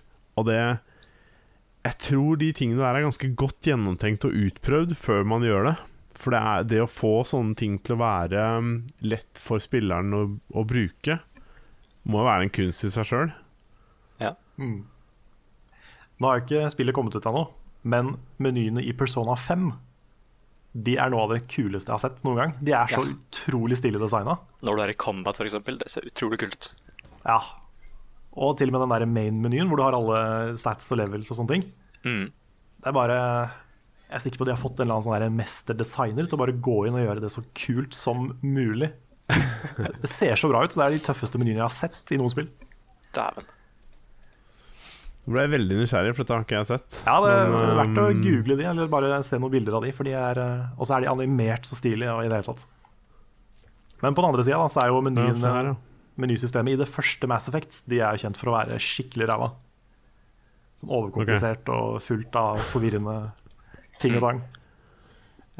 Fordi sånn som Assassin's Creed hadde det. Hvor det er så mye innstillinger frem og tilbake, og jeg skjønte egentlig ikke hva jeg gjorde når jeg bytta på innstillinger og sånn. Så det måtte liksom testes ut før jeg skjønte at å ja, den gjør det, ja. Mm. Um, ja. Og et spill jeg kom på nå, er Det er ikke så mye menynavigering, men det er Gravity Rush 2. For der er det at du har Du kan jo Du har forskjellige sånne forms, eller drakter, da, som gjør at du får enten tyngre gravity eller lettere gravity. Og du skifter det med å trykke på touchpaden. Så du trykker én gang, så får du lettere gravity, og trykker du to ganger, så blir det tyngre og tyngre. da. Ja, kult. Så du kan gjøre det midt i ja, mid gameplay. Skifte mellom forskjellige stiler og sånn. Ja, det er fint. Mm. Mm. Så det er også, veldig kult. Ja, jeg syns også Breath of the Wild gjorde det ganske bra med de der eh, shortcut-knappene på sida. Hvor du bytter veldig kjapt mellom sverd og skjold og sånne ting. Ja. Det er også, Ja. Jeg liker, liker sånne ting som går fort. Mm. Det er, ja. det er Og det er, det, er, det er sånne menysystemer er veldig eh, Det har blitt mye mer vanlig å se nå. Det var um, Ja. Jeg syns mange nye spill klarer å løse det ganske godt. Og det er viktig at sånne ting ikke hindrer deg veldig fra gameplayet eller det du gjør Eller, For hvis du må begynne å knote noe veldig midt i en fight eller i et eller annet greier, så blir det veldig sånn Det blir et irritasjonsmoment, da. Det er også derfor jeg nevnte uh, Neo Automata, fordi menyen der er ikke noe sånn spesielt gode. Det er sånn, det, det funker helt greit, men hva som er gøy med det, er at hvis du blir skada i det spillet For du er jo en Android, så blir jo menyen skada Ja. òg.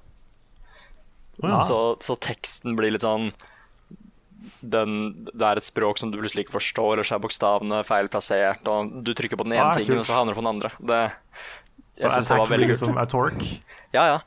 Altså, du kan liksom bli hacked hvor det står bare sånn Ja, du får ikke lov til å bruke noe attack før om 15 sekunder. Og så er det noe Du kan også bli hacked at du ikke kan gå inn i menyen for 15 sekunder og sånn. Og det er ah, immersion. immersion. Mm. Kult. Ja. Jeg gleder meg til å begynne på Nier Automata. Ja. Lars hinter til hint. ja, jeg må Du, var det ikke en demo av det på PlayStation 4? Jo, men det spørs om du Er, kan er laste den den fortsatt der? Ok. Eller kanskje. jeg har hørt at den ikke Ja. er like bra som spillet. Nei, for det er, det er en del gameplay-ting som ikke er i den demoen. Oh, ja. Men ja. det er jo Nei, men det Ja, jeg vet ikke. Jeg får låne det eller noe sånt, da. Et sted. Jeg vet ikke om jeg mm, For jeg Ja, alltid veldig usikker på sånne spill. Det ser veldig kult ut, og så har jeg litt sånn tendens til å At det faller igjennom for meg, så jeg klarer ikke å fullføre de. Og det føles så waste å bruke masse penger på det hvis jeg ikke liker det, da. mm, Så mm, Jeg ser den. Men jeg er helt sikker på at det spillet er konge. Det bare har jo noe med Det er mer sånn personlig preferanse å gjøre. Jeg kan si at Men, eh, um, hvis jeg skaffer meg platinum, og du ennå ikke har skaffa spillet, så kan du sikkert låne min kopi, altså. Ja, det høres hyggelig ut. Ja, God deal. Ja. Vi har en deal. ja for du må Ja. spille det. Mm. Jeg trenger noen å snakke med. Ja, det er greit. Det er bare å sende, så skal jeg mm. Vi får lage en, Skal eh, til Sverige om ikke så lenge, så kan jeg kjøre forbi der. Ja. vi får lage en sånn massiv Nier Automata-podkast en gang.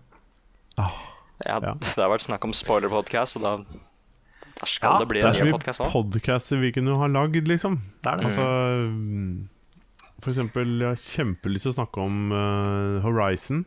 Har jo en fantastisk backstory. Mm. Mm. Eh, jeg hadde jo planer om å- historien her er nydelig. Jeg hadde jo planer om å begynne på det, men så kommer kom jo alle disse spilla, så Ja, sant. er det vanskelig å ta seg tid til det. Men uh, Ja. eventually så skal jeg komme meg gjennom det. Ellers får dere lage en spoilercast uh, etter at jeg har gått en gang. Ja. Vi får se. Um, skal vi ta ukens Sinfor, eller? Vet ikke om uh... Oi, da er ikke musikken klar. Nei, ja, må det, det har jeg regna med. Men Ja. um, Vent, da. Vi vi kan ta kan et jo ta et annet i mellomtiden, hvis det er uh, Hvis vi vil det. Jeg Det fant et uh, Destiny-spørsmål. men- Ja, Skal- kjør på. Okay, hvis du har det. for det er av uh, mm. Morgan Sjømark. Ja. Ja. hva håper dere skal vi se, Hva håper dere Destiny 2 endrer i forhold til eneren? Er ganske spent på den nye traileren som slippes eh, 30. mars, og håper på gameplay. Åh, nå skulle vi hatt Rune her, vet du. Ja, det Ja, er da det. hadde, hadde vi fått et bra svar. Um, Tatt over hele podkasten. Jeg håper på en bedre story, Ja. um, som, er, uh, som ikke du må gå inn på bungee.net for å lese. Mm. At det faktisk er i spillet, det hadde vært Ja, det den faktisk fins i spillet. Mm. Og så håper jeg på en uh, ja, litt, litt mindre selvhøytidelig tone. Mhm. mm. Det virker det som vi kanskje får. Ja, det virker veldig sånn. Jeg håper bare de tar alle de kule elementene og de tingene de har lært, ja, og bare gjør enda mer av det. Ja. Og gjør det til en liksom massiv uh, opplevelse. Ja, det, det skal Destiny ha, syns jeg. At uh, det ble et veldig bra spill. Mm. Mer og Ja mer for hver, for hver nye er, DLC, egentlig. Mm. Det er absolutt det. Hadde innholdet vært ehm, Jeg følte at noe av de tingene de la til, ble veldig sånn langdrygt, og de la det til bare for å strekke ut gameplayet. Men når de legger til nytt innhold som er bra og morsomt og Ja, i det hele tatt, så er det helt konge å spille det. Mhm. Sånn som det Taken King når den kom. Det, er, det var helt amazing. Det er Ja. det beste jeg har vært borti av sånn type spill. Altså. Ja, det var en update, da. Ja, Ja, helt det var enig. gøy, Altså. Taken King var høydepunktet for meg. Mm. i hele Destiny. Hvis jeg Yes, tenker på nå er jeg klar. Å, vent, Nei, vent, vent, sorry. jeg, vil- jeg vil svare Ja. på Destiny. Ok. Fordi, Ja. ja, fordi det jeg tenkte er at eh, hvis det hadde blitt som eh, de første åra til World of Warcraft, hvis Destiny 2 er det, da er jeg fullstendig sold. Hvor det er liksom at eh, ja, Hvis de liksom sier at ja, vi kan dra til jorda, så er vi ikke bare i et sted i Russland, liksom. At vi kan dra til mange forskjellige steder på jorda. Det hadde vært veldig kult. Og så ser jeg for meg at hvis det var liksom mulig at det var mange forskjellige folk i den samme serveren, at det ikke var ja, en sånn ma maks uh, liste på bare fem-seks personer. At det var mye mer sånn levende. da At det var mange flere spillere samtidig. Og hvis vi skulle til et raid, så sa vi sånn Ja, men vet du hva, da drar vi til månen sammen. Og så finner vi det raidet, og vi finner inngangen til det raidet sammen. Ja, Uten minimum loading. Og det, nei, det hadde vært My god. det hadde vært kult. Kanskje sånn 20-manns-raid. Ja.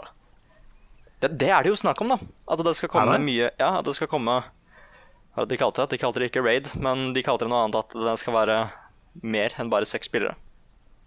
Kult. Oh, det er kult. Mm. Hva er det, det var som de maks i, løse maks i Final Fantasy 14 igjen? Var ikke det sånn 40 eller noe? Ja, 40 Nei, kanskje det? ikke det var så mye. Jo, er det ikke det? Det var kanskje Er- er det ikke 40 manns like- raid? Ja, for det er det ikke like mange som World of Warcraft. Det er vel 40 da. Ha. Det er ganske, ganske intenst. Men, men det spørs, da. Fordi jeg er så glad i Derada fordi det, du trenger så god kommunikasjon vet, med, Mm. med gruppa. Det spørs om du klarer å få det til med 40 stykker. Nei, det spørs. Det blir en busy Skype-call. Ja, 30 skal ta Oracles, og de to andre skal ta Shield. Altså, God damn it, Per Marius, nå ødela du det for alle 39 andre som var her. Nei, det er ikke, Ja. sikkert, er ikke sikkert det er den smarteste veien å gå. Nei. Men yes. Ok, skal vi ta ukens Uken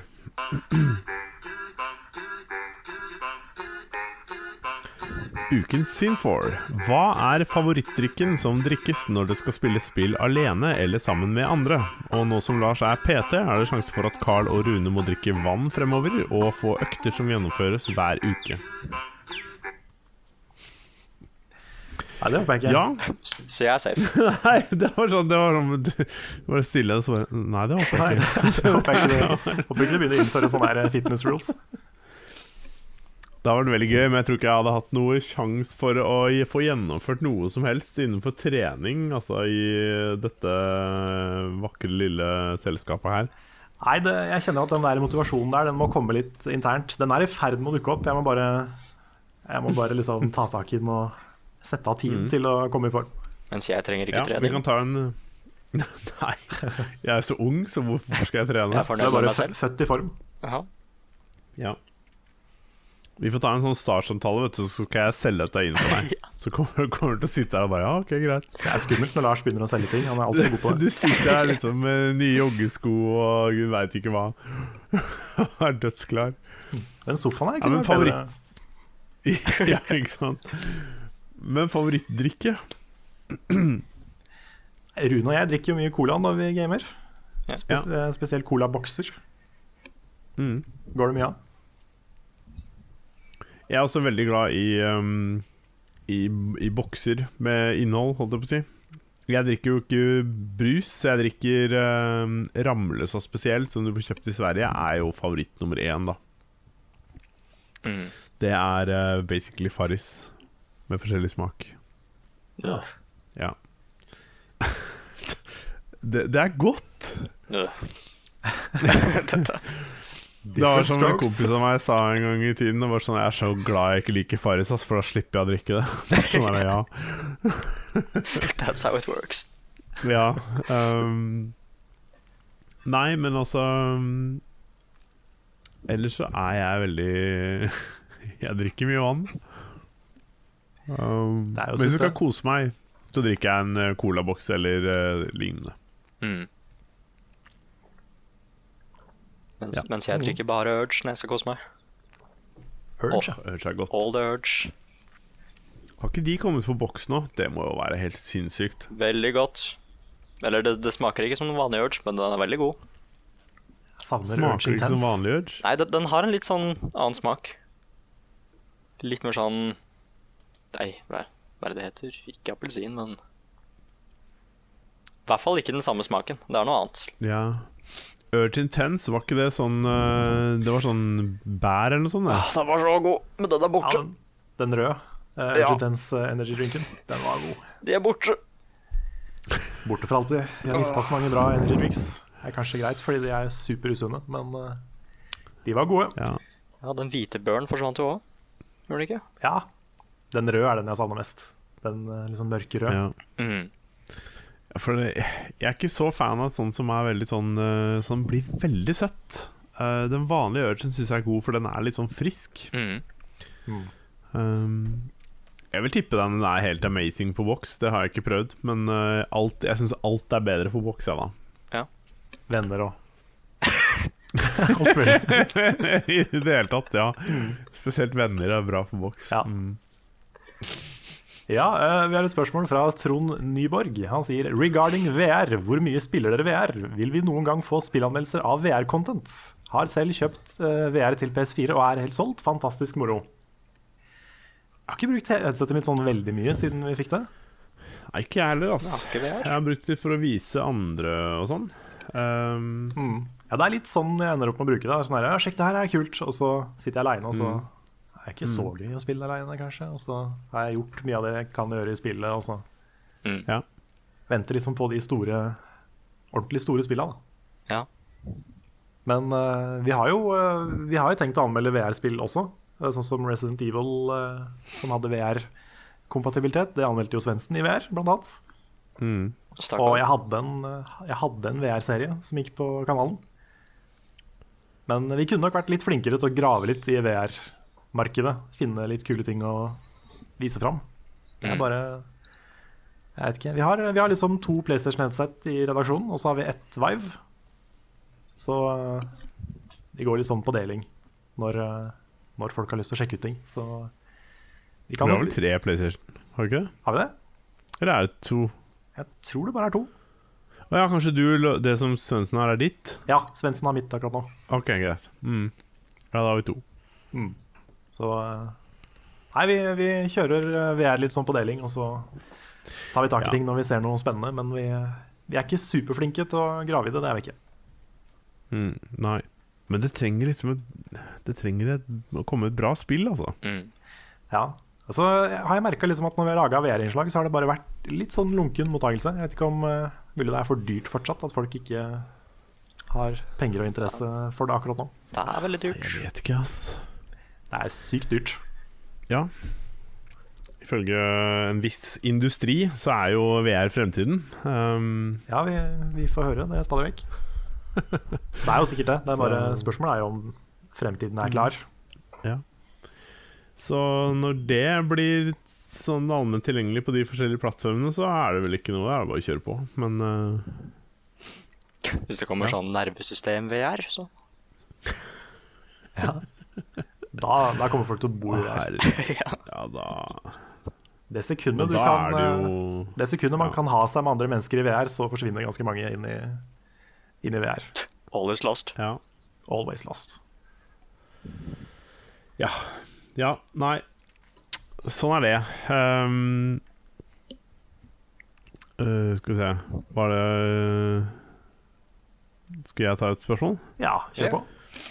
Ja. Um, nå var det et par Jo, der var den. Christian Roa Gran kom uh, spurte om um, om vi har noen forslag til gode spill for fire spillere, fordi TG nærmer seg. Smash. Smash, ja. Ja. All the smash. Eller så er det jo dette herre um, Det var et annet sånt spill også, som du får på Steam. Som er sånn robot ikke, um, Sånn fighting-spill. Ja, um... Som vi hadde tenkt å streame en gang, som vi ikke fikk til. Hva var det? det er det Super Ragdoll. Gud. Ja Tenker ikke på Gang Beasts. Jo, er det ikke det? Jo, selvfølgelig. Riktig. Uh, du, apropos ragdoll, husker noen av dere nin Er det Ninja Ragdoll? Ja, Nei. det er lenge siden. Som man fikk en eller annen gang på PlayStation Plus eller noe sånt. Ragdoll Ninja heter det. Mm. Herregud, det var gøy! Det savner jeg, da. Um, Ordentlig Ragdoll-spill. ja, det var veldig morsomt. Ja, Ragdoll er utrolig Um, satisfying. Det er bare et eller annet med det. Mm. Mm. Jeg har sett det på Zelda òg, at du bare slår folk bort. Flere Ja. mil av og til, liksom. Det er gøy, det. Sånn det første Zelda-spillet med sånn fysikkmotor og ragdoll og sånn. ja. Det er litt kult. Det har litt å si. Bare det at, uh, uh, at eh, er omgivelser reagerer på det du gjør og sånn. Mm. Ikke kokespillet, men kokkespillet. Overcooked. Ja, Ja. Det er veldig gøy å spille sammen. Og så er jo det er jo litt opp til dere kanskje om dere vil anbefale det eller ikke, men Ghost Recon Wildlands er jo visstnok moro i fireplayer. Veldig. Det er det. Det er det.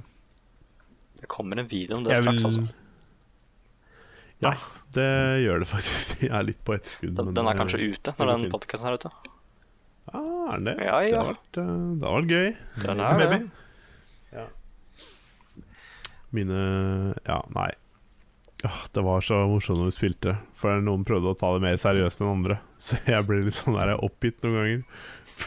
Det var liksom åh, Noen hadde noe yolo-øyeblikk som var liksom litt for mye. Mhm. Mm. Ja, ja. Det er alltid gøy når liksom én tar det seriøst, og en annen- andre ikke gjør det. Så blir det sånn full krasj. Det spørs da, for her er det to som tar det veldig seriøst. En som er yolo, og en annen som bare er ikke helt sikker på hva han skal gjøre. Han bare, han bare er der. Ja, Perfekt Ja. kombo. true. Men vi har et spørsmål fra Inge Lamøy. Han sier Jeg er personlig i hovedsak en PC-spiller, jeg tror mange av deres lyttere og seere også er dette. Tar jeg feil når jeg syns at PC-spill blir noe nedprioritert hos dere? Ehm, ikke bare den, men også rendyrkede multiplayer-opplevelser uten story syns jeg fortjener litt større plass, da dette er en voksende og veldig populær sjanger. Eksempel så topper nå spillet Player Unknowns Battlegrounds salgslistene på Steam. Ja, dette er i Early Access, men det er jo slik eh, spill i denne sjangeren nå blir introdusert, og blir vanvittig populært umiddelbart. Ja, det er et litt lengre spørsmål vi kan ta. Ja. Kunne jo hatt en sånn Early Access-spalte for så vidt, kanskje. Ja, men jeg føler fortsatt at det blir litt sånn derre um, Det gir liksom ikke noe godt bilde nødvendigvis. Og så blir det vanskelig å det blir, Da blir det bare sånn Sånn som når vi tester beta-ting. Mm. Ja, det er, kan det jo er, ikke ta det det er lettere å gjøre det sånn liksom. kanskje enn å bare lage en anmeldelse av et spill som forandrer Ja. seg for hver dag, på en måte. Ja. Mm. Men, eh, men ja, det er, om- det er en del sånne multiplier. Det er Ja, vi er jo litt sånn Ja. Skal man si. Vi har jo hver våre sjangere som vi liker, og det er ikke, det er ikke så mange av oss som spiller veldig mye sånne uh, Early Access multiplayer-spill på Steam, Nei. tror jeg. Men uh, kunne absolutt hatt noen som spesialiserte seg på det. Men jeg føler ikke vi nedprioriterer PC-spill. Nei, det føler ikke jeg det. Mange av de spillene som vi spiller, finnes jo både på PC og konsoller, og til og med mobil. Så det er på en måte, da spiller jeg Når jeg har muligheten til å velge, så spiller jeg jo på den plattformen jeg synes er best for meg. Mm. Jeg velger som regel PC Um, hvis jeg kan velge. Så som ja. Dark Souls spiller jeg på PC. Uh, Mass Effect spiller jeg på PC nå. Mm. Og eh, så har vi jo prøvd å anmelde i hvert fall en del eh, PC-spill, som Civilization og de store tinga som har kommet.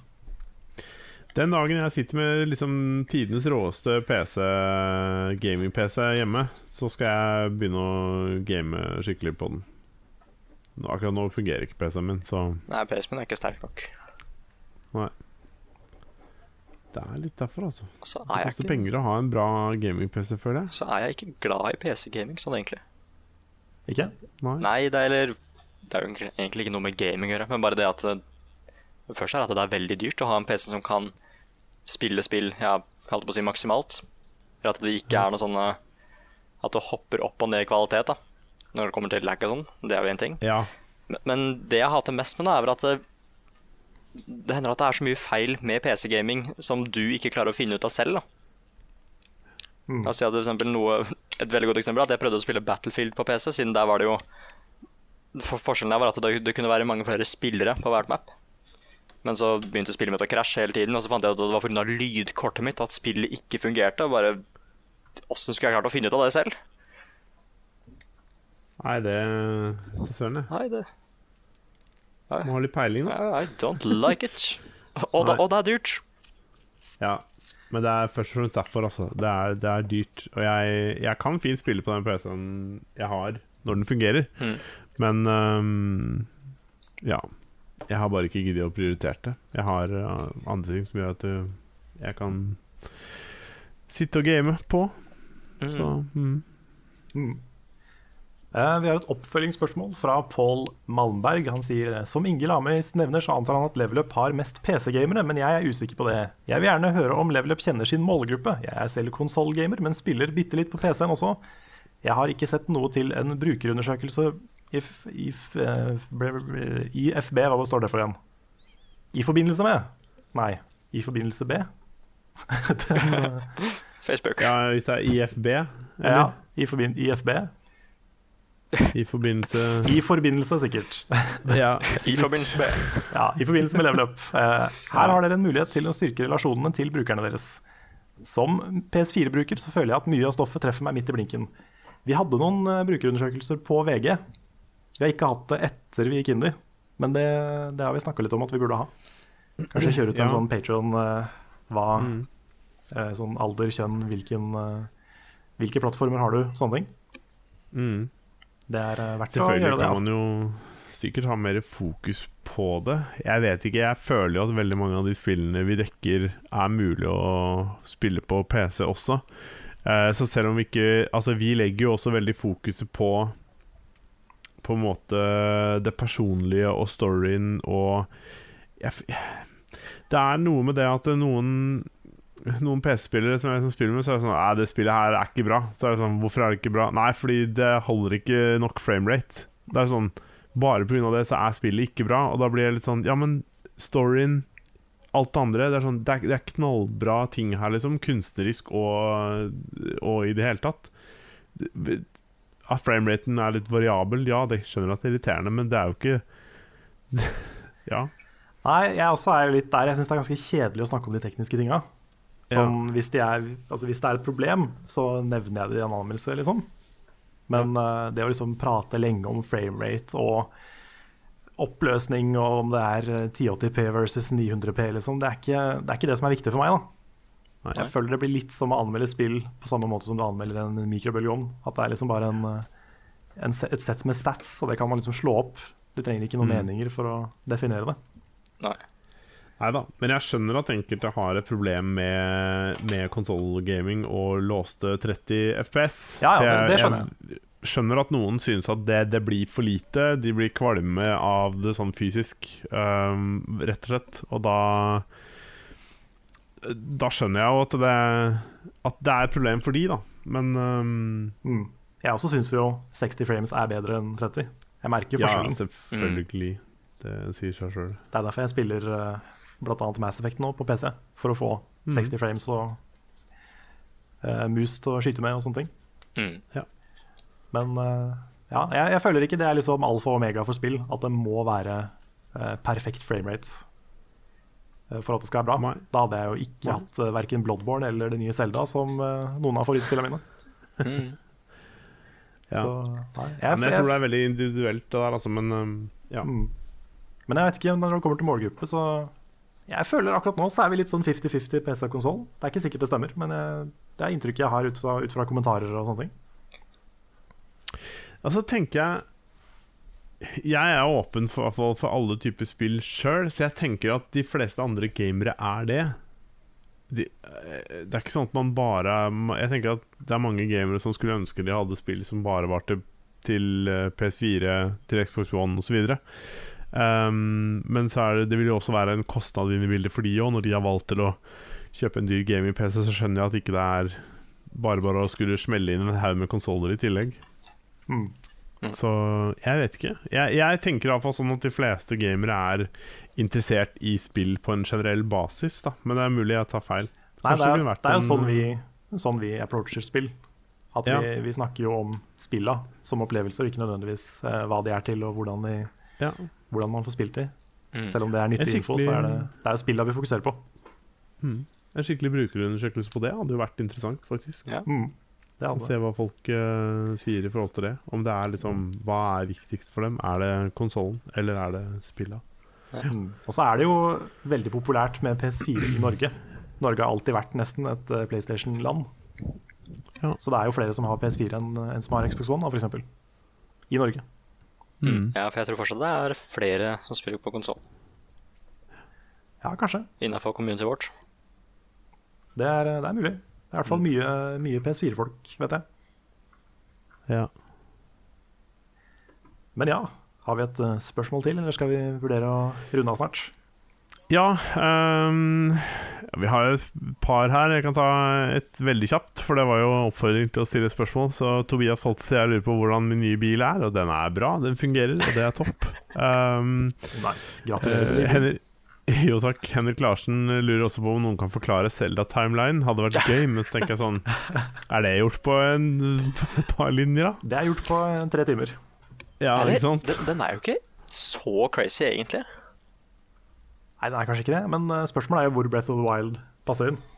Men, men det er det som er spennende. ikke sant? At det er sikkert hint rundt omkring i det spillet på hvor eller hvilken timeline det her er. Mm. Ja, det er det. Men det er, eh, noen av de er litt sånn motstridende også. Det er sant. Jeg husker eh, En av mine store spilløyeblikk er når du fant ut liksom hvor i timeline Skyward Sword var. Ja, For, for det var et litt sånn eh, holy shit moment. ja det er stilig. Mm. Det er sant. Ja, jeg har, Ja. eh, det har vært gøy å lage et innslag. Sånn her eh, undervisningsinnslag om Zelda-timelinen. Og Kingdom Hearts-timelinen. King, ja, det det jeg skal skulle nevne. Kingdom Hearts hadde vært veldig morsomt å snakke om. Den hadde jo tatt 40 timer. For den er fullstendig crazy. Ja, den er totalt crazy. Men jeg har veldig lyst til å snakke om uh, Drakengard Near-timeline til dere òg. For den er også veldig morsom. Ja, kanskje Det det er en spalte her. Ja, for det er jo to forskjellige spill. Hvor endingen til det ene lagde universet til det andre, og det er jo helt It's pretty cool. Ha. Ja, kanskje vi skal bare lage en ny spalte om timelines og law. Mm. Hadde vært kult, det. Ja, det Kjør på.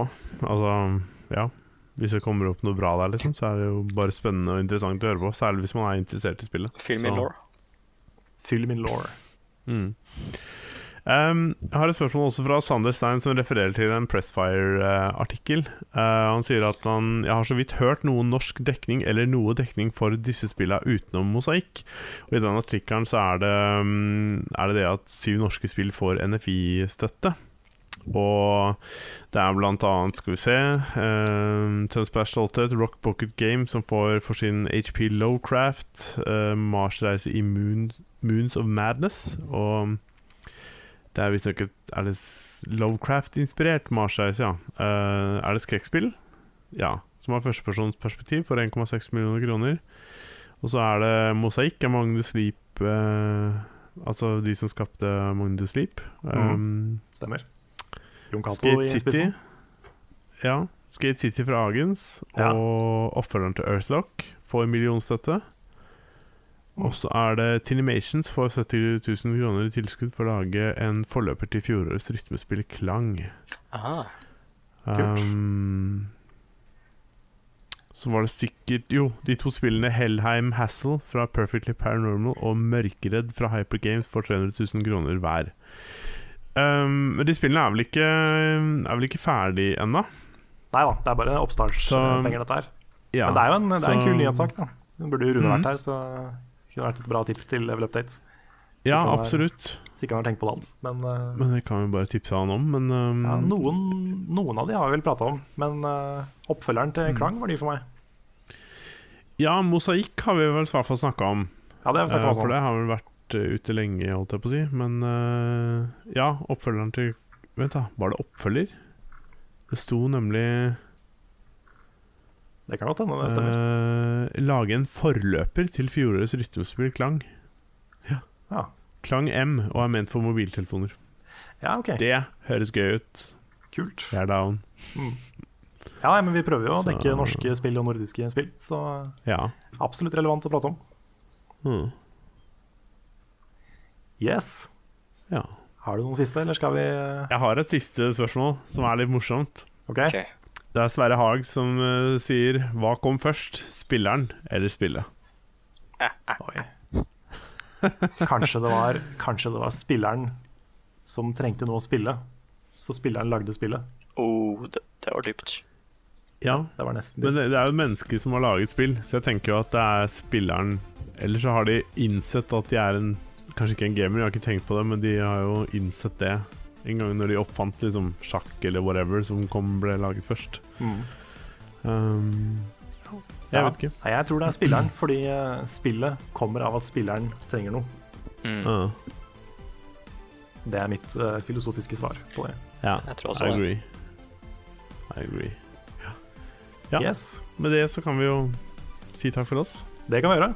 Da er det bare Mm. å si eh, hjertelig tusen takk til alle som har hørt på. Takk for at du hadde tid til å være med i dag, Nick. Ja, bare hyggelig. Koselig.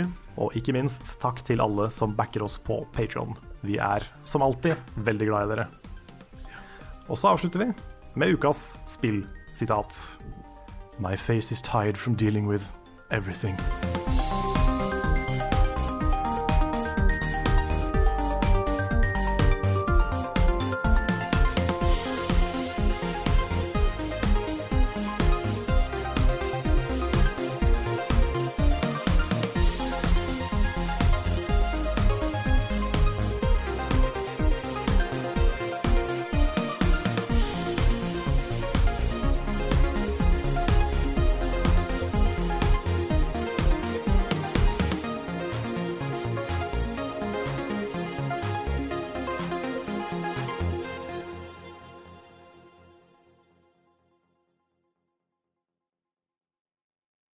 Har du et enkeltpersonforetak eller en liten bedrift? Da er du sikkert lei av å høre meg snakke om hvor enkelt det er med kvitteringer og bilag i fiken, så vi eh, gir oss her, vi. Fordi vi liker enkelt. Fiken superenkelt regnskap.